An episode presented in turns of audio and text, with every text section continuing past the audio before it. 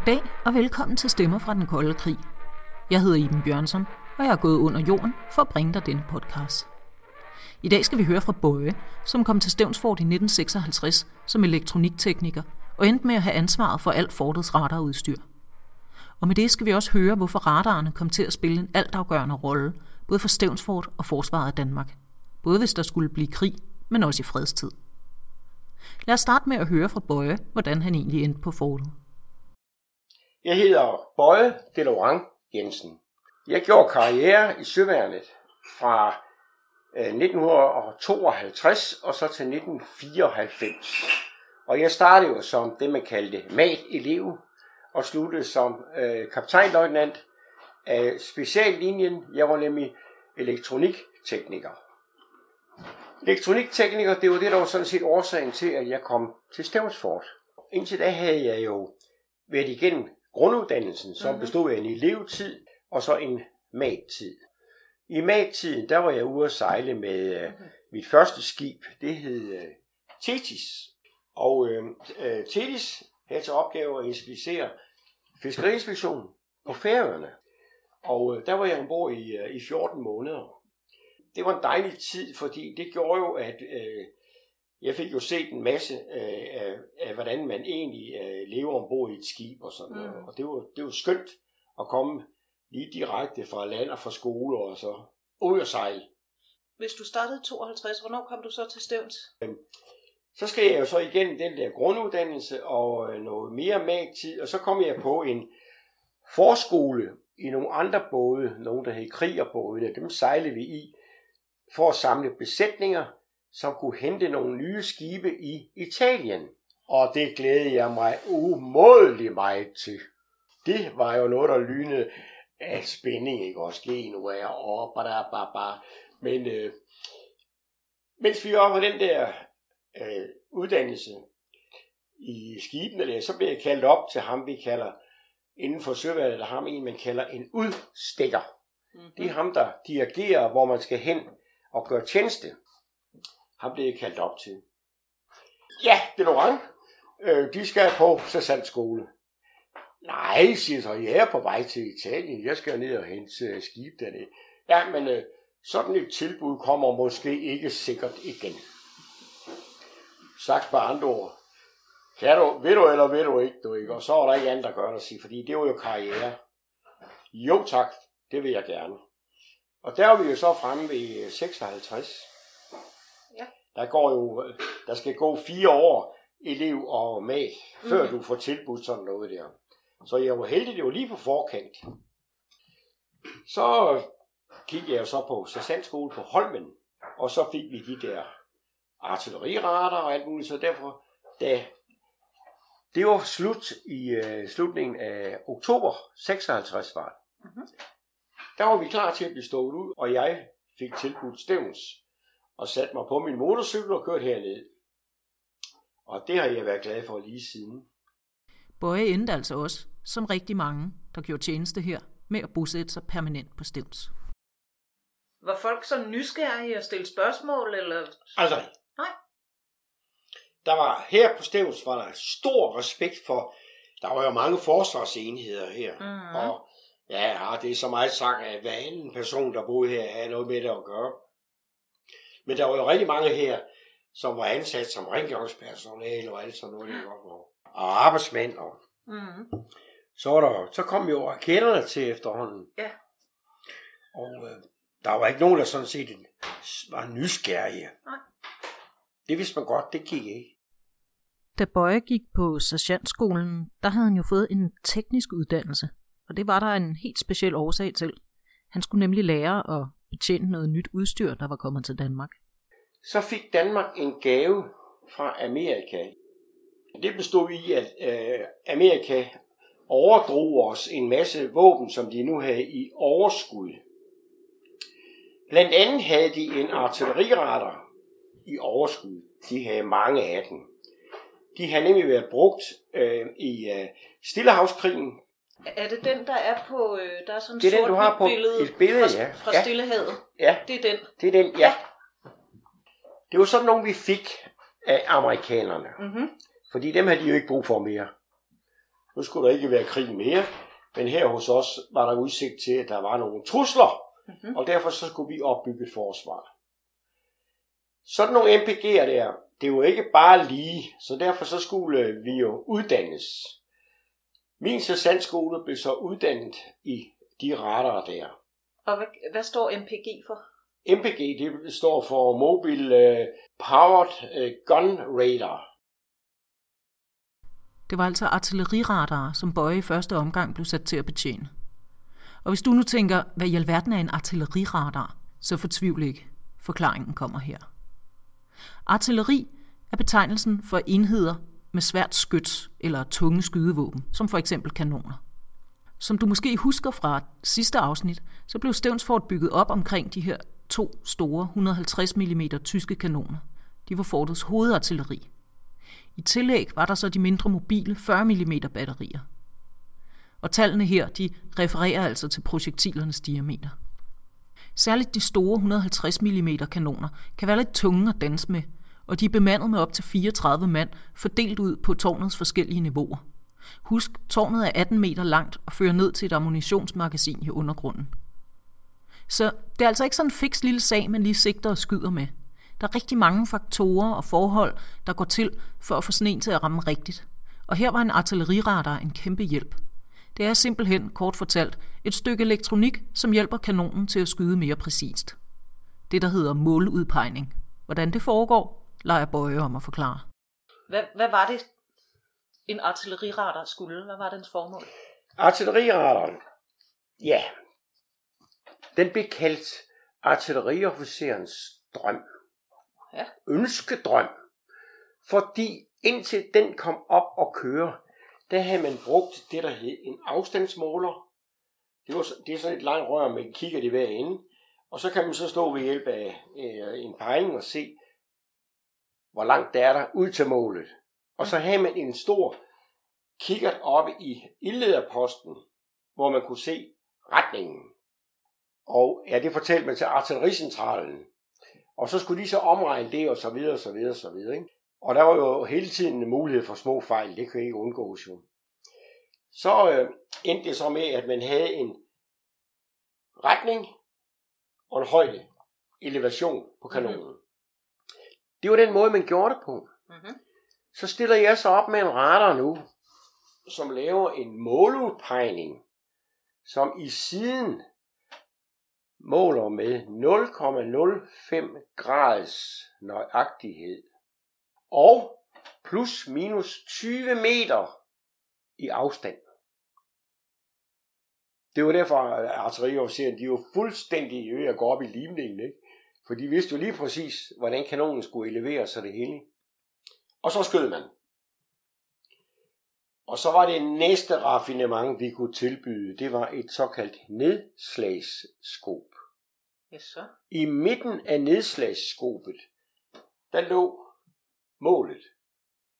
Der var sådan et trådkors, og der sørgede operatøren hele tiden for, at der var målet. Det var så præcis pejlingen og præcis afstanden fra bunden og op. Så faldt skuddet, eller projektilet lander et eller andet sted, lige ved siden af måske. Det var meget almindeligt, de første par skud ikke lige ramte. Mm-hmm. Så havde man et trådkors, man kørte hen i nedslaget. Det trådkors bevægede en skala, som viste, hvor meget fejlen var i siden, og en anden skala, hvor meget fejlen var i afstand. Og så siger han, ham der nedslagsoperatøren til, øh, til øh, artilleriofficeren, til højre øh, 0,5, for lang 30 meter. Og så var det jo øh, piece of cake lige at sørge for at rette ind, således at vi brugte sjældent mere end to skud for at ramme. I det gamle system brugte man ofte den metode, at man altid valgte at skyde lidt for langt med det første skud. Så havde man det, der hed den raserende bane. Altså projektilet kommer høvlende henover, og hvis nu at man skyder for langt, så skal det passere hen over målet. Og så kan man jo så være så heldig, at det ligger lidt lavt. Og så raserer det den raserende bane, så kan man ødelægge noget ombord på skibet måske. og samtidig blive klar over, at man har skudt for langt. Det kan man så observere med kikkerten. Gjorde man dengang. Det havde vi ikke brug for mere med artilleriradaren. Der kunne du sige lige ret. Bing, det er der, den ligger. I gamle metode, for langt, for Mhm. mm-hmm. kort, og i målet. Der gik tre skud til. Og mens man gjorde det, mens man skød de tre skud, så var man jo udsat for øh, modsvar. Og, og de kunne jo se glimtet fra kanonen og alt sådan noget, ikke også? Mm-hmm. Så de havde jo en ganske udmærket chance for at nakke også, ikke? Men når de fik den i, øh, i smasket lige øh, i anden omgang, så er chancerne ikke ret store jo. Artillericentralen, som Bøje omtaler, det er et rum i undergrunden, hvor man samlede alle de data, som kom ind omkring et mål. Og den store regnemaskine, han snakker om, det er en tidlig computer. Det var et enormt kompliceret og for sin tid ret avanceret stykke mekanik, som altså ud fra de data, man fodrede den med, kunne give anvisninger for præcis, hvordan kanonen skulle indstilles. Alt det her, jeg fristes til at sige videnskaben om, hvordan man rammer rigtigt, det kaldes ildledelse fordi det at skyde i militære termer også kaldes at afgive ild. Du kan forresten stadig se den gamle artillericentral med den store mekaniske computer i Stevnsfords undergrund.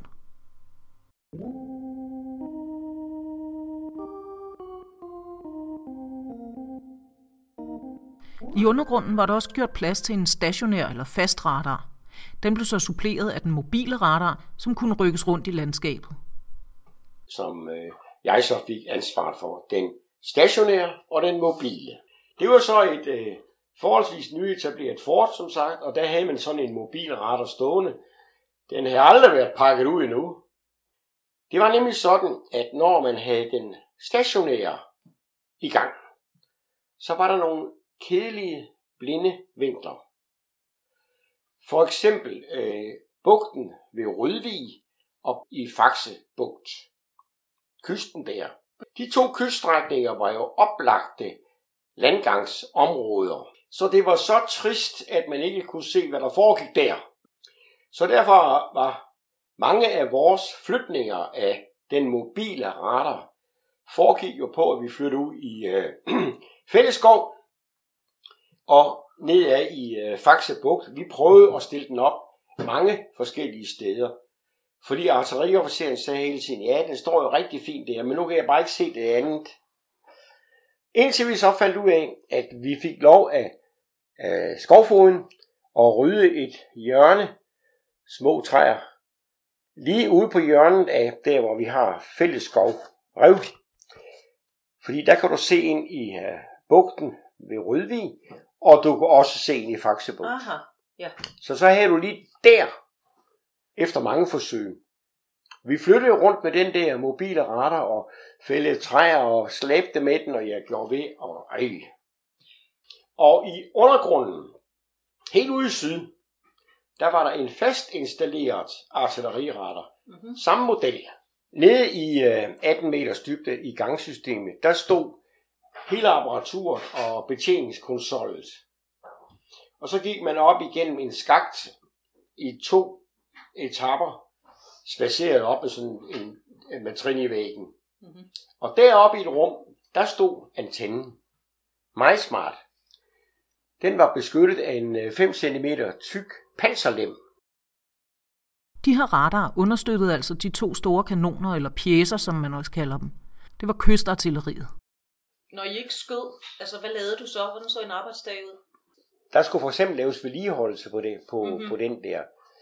Og så var der jo, øh, dengang der manglede vi et øh, samtaleanlæg til vores øh, skyttehuller. Så vi havde et kæmpe net af felttelefoner, som man lagde ud. Og der fik vi så efterhånden lavet sådan, at man kunne have nogle faste ledninger liggende. Dem beskyttede vi sådan lige lidt ved at grave dem lidt ned. Og øh, så fik vi så på den måde der faste forbindelser, der sagde en, en telefondåse i hver skyttehul, således at man ikke skulle til at rulle noget ud Mm-hmm. i en øh, skærpet situation. Der kunne man løbe direkte ud med telefonen og sådan noget side. Og øh, det blev senere, der brugte man de der ledninger til et samtaleanlæg, så der var samtaleanlæg i hver skyttehul. Og øh, det var der nogen, øh, der mente var en rigtig god idé. Men jeg synes godt nok, jeg sagde, altså, det er ganske forfærdeligt, hvis man nu tænker sig, at man ligger i skyttehullet der og holder øje med, om der nu er nogle fjender, der nærmer sig. Og så lige pludselig, så kommer der så i de der højtaler, ikke? Så hvis der nu lå nogen derude lidt ude, så var de da klar over, hvor skyttehullet det var. Så derfor så sagde der skal en, øh, hovedtelefoner på i stedet for, så der er en telefonmand i skyttehullet. Og det fik vi så. Så sådan nogle ting gik vi så og, og rette på at lave og ordne. Så havde vi jo mange andre radarinstallationer på Stevensfort. Vi havde for eksempel til vores luftværnsbatterier, 40 mm batterier, der havde man monteret antenner på hovedpjæsen, således at når man øh, fulgte et mål på radaren, så kunne man overgive det til den her pjæsekommandør sige retning sådan og sådan, bing, og så låste kanonen på det flyvende mål, der kom ind. Men det var der jo en, øh, en elektronikingeniør, som var reserveofficer, der passede det. Så havde vi en øh, kystradar, som overvågede gennemsejlingen øh, af Øresund. Det var et amerikansk sæt, som stod oppe ved, det var bunker 18, ja. Lige bag ved garageanlægget deroppe ved parkeringspladsen. Ja. Der var, udover at der var den der varslingsradar, kaldte man den, så var der også flåderadio, hvor man øh, betjente skibe inden for, altså inden for radioens område. Det var lidt forskelligt. Nogle gange talte de sgu med Grønland, og, altså afhængig af forholdene. Det var der en anden øh, løjtnant, der passede. Men efterhånden blev det også Bøjes ansvar. Der sker så det der efterhånden, så, øh, så overtager jeg så øh, de forskellige andre funktioner der, så, således at da man skulle indkalde i næste omgang, så bliver der ikke indkaldt ingeniører til øh, at, at passe de andre retter. Der havde jeg overtaget hele butikken. Derudover så stod Stevnsfort også i telefonisk forbindelse med de pejlestationer, som var placeret langs med kysten og var en del af ildledelsen, og et telefonnet, som var lagt ud til skyttegravene i området. Hvis der kom krig, skulle der også lægges miner ud i sundet. Kabelminer, som var forbundet til land, og som man altså kunne fjernstyre herfra. Alle de her kommunikationssystemer, de blev også Bøjes ansvar. Men ellers så havde vi jo nu i forbindelse med, med artilleriet og, og måludpegning og sådan noget, før i tiden, der, havde man, der brugte man noget, der hed pejlstationer. Mm. De står helt op fra Mandehoved og så på kysten ned. Vi havde i alt en øh, fem stykker, og de endte nede i Faxebugt. Ja. Og de havde telefonforbindelse hjem Mm-hmm. øh, til øh, artillericentralen. Det var også mig, der kørte rundt og afprøvede alle pejlstationer. Ja, så. Okay. telefonforbindelse hjem. Ja. Så havde vi også et andet øh, telefonsystem, som vi skulle holde øje med. Det var, øh, det var de steder, hvor der var kontrolposter af øh, styrede øh, minespærringer. Det havde vi jo flere steder. Ved ind- stævre indsejlinger, der havde man sådan nogle styrede minespærringer. Og den virker på den måde, at du har en, det foregik i en campingvogn, som havde frit syn ud over der, hvor minespæringen lå. Og så kunne man så se farvandet øh, nord og syd for. Og der kunne man så øh, at kommunikere med orummet, finde ud af, hvad skulle situationen være på minespæringen. Mm-hmm. Og der var det for eksempel sådan, at hvis nu øh, et af vores øh, egne enheder, eller nogen, ja, nogen af vores egne enheder, var i vanskeligheder ude i Østersøen, fordi de havde mødt en for stor, for stor fjende, Mm-hmm. så ville de jo godt hjem og gemme sig i en eller anden bugt i Danmark. Og så skulle de op over de der. Og der sørger man så for, at de ikke var armeret. Og så kom øh, fjenden jo rask i hælene på dem, ikke også? For nu skulle de altså ind og nakke dem. Så kunne man lige så snart vores egne enheder var forbi, armere minespæringen, og så sprænge de fjendtlige. Mm-hmm. Det foregik ofte på den måde, at man lod fjendens mindre fartøjer, som sejlede i en øh, skærm foran, Mm-hmm. passere. Ja, så. Og så først når main body kom, det var for eksempel et stort slagskib, når det kom frem, så armerede man. Mm-hmm. Så det betød jo, at vores egne enheder kun havde problemer med dem der, der havde ligget i skærmen, og det var, det var skibe af deres egen størrelse. Mm-hmm. så må de jo så klare dem. Så det var også, det var, der var også telefonforbindelse hjem, og det skulle jo også kontrolleres og holdes i orden og så videre. Ikke? Så, Ja. det, så der var, der var mange små ting, der ligger og køre efter.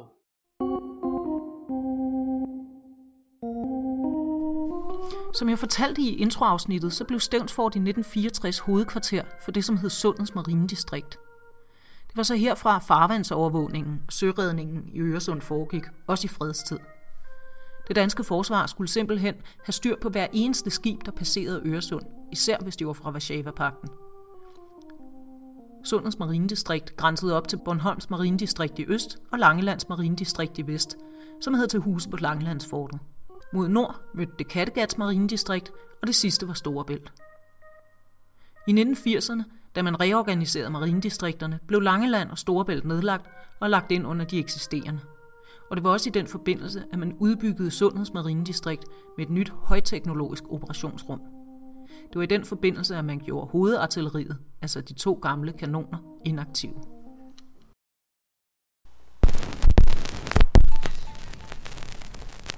Dagbladet den 17. januar 1981. Stævnsfort i Mølpose. Sidste kanonade fra fortets kanoner i næste uge, men fortet bevares som overvågningscenter. Selvom Stævns Forts kanoner lægges i mølpose, er det i midlertid ingenlunde ensbetydende med, at søværnets opgave på Stævns er bragt til ophør. Tværtimod vil Sundets Marinedistrikt, som gennem alle årene i overført betydning har delt køjeplads med kystbefæstning, i fremtiden får stadig større betydning i farvandsovervågningen efterhånden som Marinedistriktet udstyres med det nyeste elektroniske overvågningsudstyr. Allerede i de kommende måneder sker der udvidelser af centret på Stævns. Så selvom artilleridelen blev neddroslet, så betød det ikke, at Bøje blev arbejdsløs. Tværtimod. Eftersom han jo også havde ansvaret for kystovervågningsradarerne nu, ja, så havde han faktisk isenkram stående over store dele af Sjælland, som han skulle vedligeholde og sørge for at fungere. Sunds Marinedistrikt gik fra nordkant af Sjælland ned igennem Bælter og Sund og hele øh, Østersøområdet over, hvor vi mødte Bornholms Marinedistrikt. Der havde man øh, selvstændige teknikere rundt omkring i Sundets Marinedistrikt. Så vi havde kun ansvar for Møn og øh, Stevens. Det ansvar, det øh, gjorde jo, at vi måtte have et hold som af teknikere, som kørte ud. Og øh, de havde så reparationsansvar og vedligeholdelse og så videre for Stevns, Møn og, nu skal jeg huske, Gæsser. Det var det, der i første omgang var vores.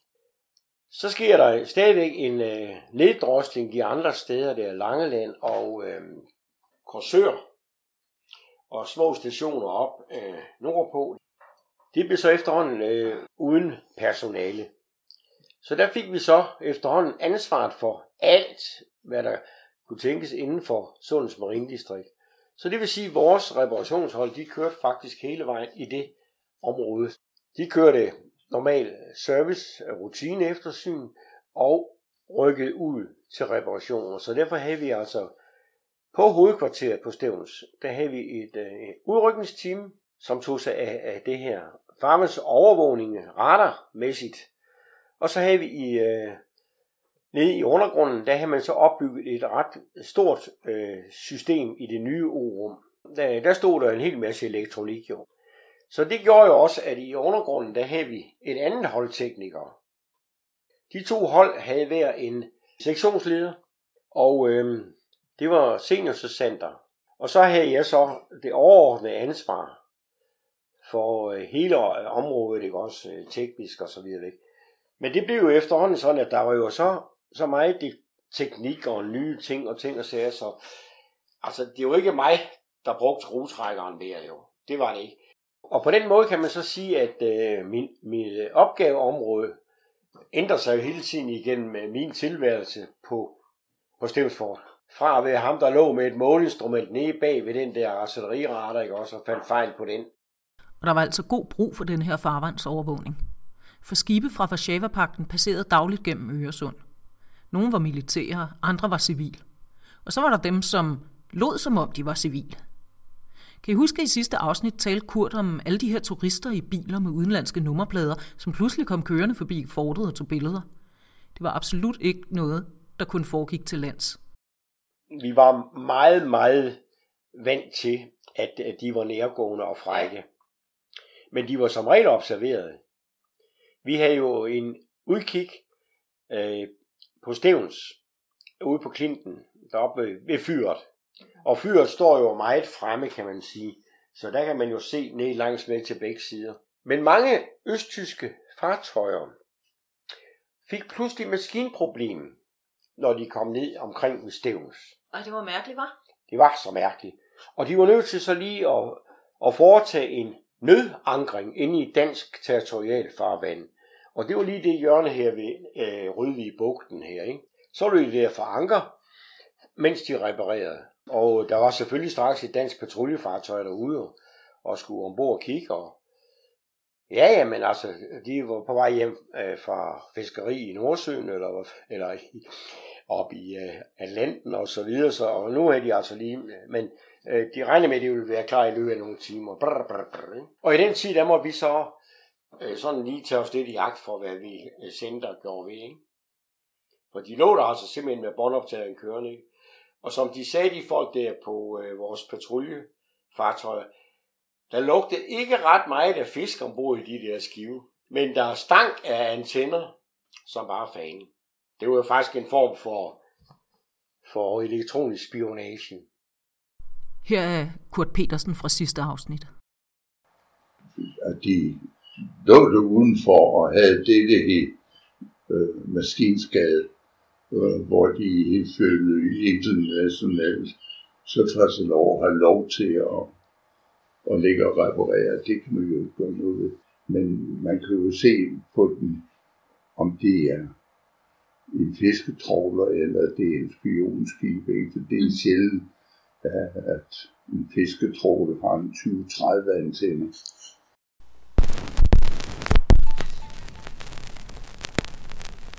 Berlingske Tidene, 11. 7. 56. Østtysk interesse for Stævns Klint. Adskillige turister, der i det strålende sommervejr i mandags gæstede Stævns Klint, så ved Højerup Kirke kun et par hundrede meter fra land et fartøj med en halvsningsmand ombord. De var iført badetøj og sommerkostymer, underholdt sig med fiskeri og badning og var stærkt interesseret i gennem kikkerter at studere Klintekysten. Det så meget fredeligt og hyggeligt ud, men en nærmere undersøgelse gjorde det klart, at der ikke var tale om almindelig lystsejlerfartøj. Skibet bar navnet Dr. Friedrich Wolf, og det er hjemmehørende i Sassnitz. Skibet, sandsynligvis et patruljefartøj, fik lov at ligge uantastet hele dagen, endnu efter mørkets frembrud, og først ved midnatstid satte det kursen bort fra kysten. De her skibe sendte aldrig folk i land. De lå bare der og kiggede og lyttede. Fortet har to udgange til vandet, det som kaldes rævegangene. Men fordi overvågningen foregik per radar, så stod der ingen vagter ved de her udgange. Som regel så fik man de her skibe til at gå væk ved at tage radiokontakt til dem og bede dem om at forføje sig. Eller at man kunne bestille et par krigsskibe eller kampfly, som pænt kunne eskortere dem væk. Hvis man altså opdagede, de lå der, hvilket ikke lader til at have været tilfældet den dag. Jeg synes, at vi måske havde et lidt øh, lemfældigt forhold til øh, eventuelle øh, indtrængning og sådan noget derfra, fordi der, var, der blev sgu ikke holdt ret meget røg med det derude. Man regnede faktisk ikke med, at der var nogen, der kunne nærme sig den danske kyst, uden man, uden man opdagede det. Dengang der havde man jo ikke de der avancerede udstyr til, til frømand. Øh, en frømand dengang, han kunne kun operere sådan i ganske kort tid med en ildflaske, ligesom man gør for sportsstykker. Så derfor regner man egentlig ikke med, at, men man havde jo sådan set forberedt øh, ved revgangene, der har jeg Mm. forberedt øh, skyttehuller, og læg mærke til, at revgangen går ind, og så den egentlige indgang til undergrunden er vinkelret Ja. på. Så ligesom, hvis man skyder ind i revgangen, så knalder skuddet af i den og, og laver sikkert en hel del skade der, men det fortsætter ikke ind i, i øh, undergrunden. Det bliver i øvrigt absolut ikke det sidste, vi kommer til at høre til de spionskibe i denne podcast-serie, for de blev efterhånden en fast bestanddel af farvandsovervågningen, og dermed dagligdagen på fortet. Jeg spurgte Bøje, om den her jævnlige kontakt, så at sige, med fjenden, gjorde, at krigen var noget, man bekymrede sig om. Altså, de få gange, hvor vi rykkede ned, ikke også, det er jo ikke fordi, altså, jeg har sgu da nogle gange spekuleret på, når jeg gik ned i undergrunden, hvad så med min familie nede i Rødvig? Men der havde jeg jo så heldigvis den sikkerhed, at, at familien kunne øh, skynde sig at flytte op til øh, vores familiens øh, andre dele, og, og som lå længere tilbage i landet, ikke? og det, det er jo nok være det, man gjorde. Pak kufferten i det far, der kommer afsted deroppe af. Men det var ellers en, en øh, dum tanke. Jeg cyklede derud og ned i hullet, ikke også, og var ville mig ind, jeg var i sikkerhed. Men min familie, de var altså... Og man talte jo om øh, nukleare angreb og skidt og lort, ikke? Og da nu øh, den kolde krig sluttede, der havde vi jo besøg af, af mange fra Øst, blandt andet den øh, polske forsvarschef. Og han sagde nemlig øh, sådan lidt, jeg ved ikke om det var for at smire Stævnsfort, han sagde, det var vist godt, vi ikke prøvede at lave angreb her. Men samtidig så frigjorde polakkerne angrebsplanerne for Danmark. Der var lige øh, et lille bolsje til øh, En nuklear våben. Det fik vi først at vide bagefter. De gange, Bøje taler om, hvor man rykkede ned, det var hvis der skete et eller andet i verden, som gjorde, at den kolde krig blev ekstra højspændt. For eksempel Ungarn-opstanden i 1956, Kuba-krisen i 62 eller foråret i Prag i 1968. I de tilfælde gik det danske forsvar i forhøjet beredskab, og det betød også, at man lukkede fortet af for omverdenen. Det var så øh, altså en af kriserne, hvor vi, vi, jeg tror, der gik en lille uges tid, hvor mm-hmm. vi boede i undergrunden. Og i, øh, i sådan en situation, hvor vi er lukket nede der, der var der aldrig problemer med, hvem der skulle op og lige og tilse telefonledninger. Teknikerne stod lige frem på nakken af hinanden for at komme sted. Det skete der også, at lederen var nødt til selv at gå op og lige tage et look og for at være helt sikker. Fordi der var det er jo ikke, ja, altså, man kan sige så meget om, øh, om undergrunden, at det er jo 18 meter nede og i et specielt klima. Men var I dernede så, altså non-stop sådan en uge ad gangen? Jamen, altså, vi, var, vi boede jo nede i uh, officererne og årsagshænder. Vi havde jo vores eget uh, sådan et arrangement. Der var der sådan en bunker med og små rum inde. Der boede vi så der to-tre mand inde i hver, i det hver celle der. Kanonbesætningerne, den der, hvad skal man sige, øh, klarbesætningen, de lå jo helt ude, der hvor kanonen øh, ender lige i undergrunden, ikke? lige indenfor der. I sådan en situation, hvor der er altid dobbelt, eller hvad skal man sige, man gik det, man kaldte kvartersvagt. Det vil sige, den ene halvdel af besætningen var på post, og den anden havde fri og kunne hvile, det man i marinen kalder at slange. Når man slanger, så har man øh, fuld udrustning, ej ikke fuld udrustning, men altså man har tøj og tager lige kun støvlerne af. Så ligesom man kan hurtigt ud i aktionen, hvis det bliver nødvendigt med at bruge hele besætningen. Det var sådan set den situation, vi levede i der i de dage der. Og øh, de hygiejniske foranstaltninger, det var jo, øh, for at sige det pænt, et pisrende ude på gangen. Og så var der almindelige øh, toiletter.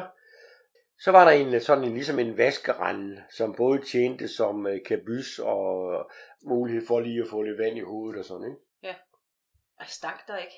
Når folk... Øh, der var, øh, man skulle forestille sig, at det her rum med 28 mand med lukket dør, der var en helt speciel odøver. øh, ja, altså, jeg vil tro, at øh, hvis du stillede en eller anden ting frit på gulvet, så kunne den stå der. Så, så tyk var luft. Men altså, det er jo sådan noget igen, det er jo ligesom i, i de gamle marineskibe, ikke også, hvor man øh, sov i hængekøjer og så videre. Ah, det er jo ikke noget problem jo. Ej, jeg tænkte også ude på gangen med sådan en pisserende der, det må da have... Ja, men det er jo ikke noget, der betyder noget jo. Man skal ikke tage fejl af, at selvom farvandsovervågning blev den vigtigste opgave, så var fortet bygget til krig, og også til at modstå et angreb med atomvåben. Var det noget, I talte om? Eller? Nej, det går vi egentlig ikke. Men altså, jeg tror ikke, en soldat egentlig går og tænker på hans egen risiko. De er godt klar over, at der. For ellers så beder man sig jo åndssvagt Så stikker man hovedet op lige i det, ikke også? Men ja. øh, tror du ikke, det har været sådan gennem, øh, gennem alle krige, at der var ikke plads til, at soldater kunne tænke. Altså prøv at tænke på verdenskrigen, første verdenskrig, ja. skyttegravskriger, hvor der blev kommanderet angreb ud af skyttegraven, du mm.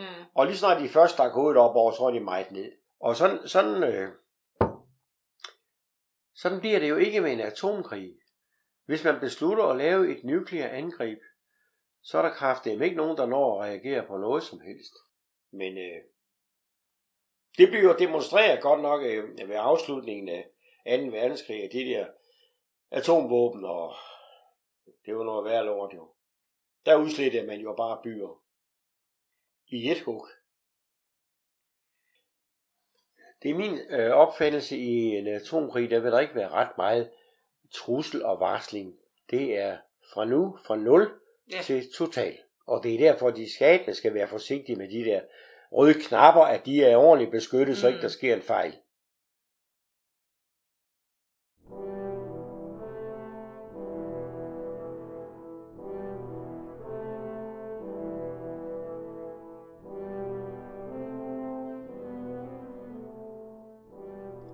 Stemmer fra den kolde krig er lavet af mig, Iben Bjørnsson, og har været mulig takket være gavmilde donationer fra Forsvarsministeriet og Bodil Pedersen Fonden. Tusind tak for det.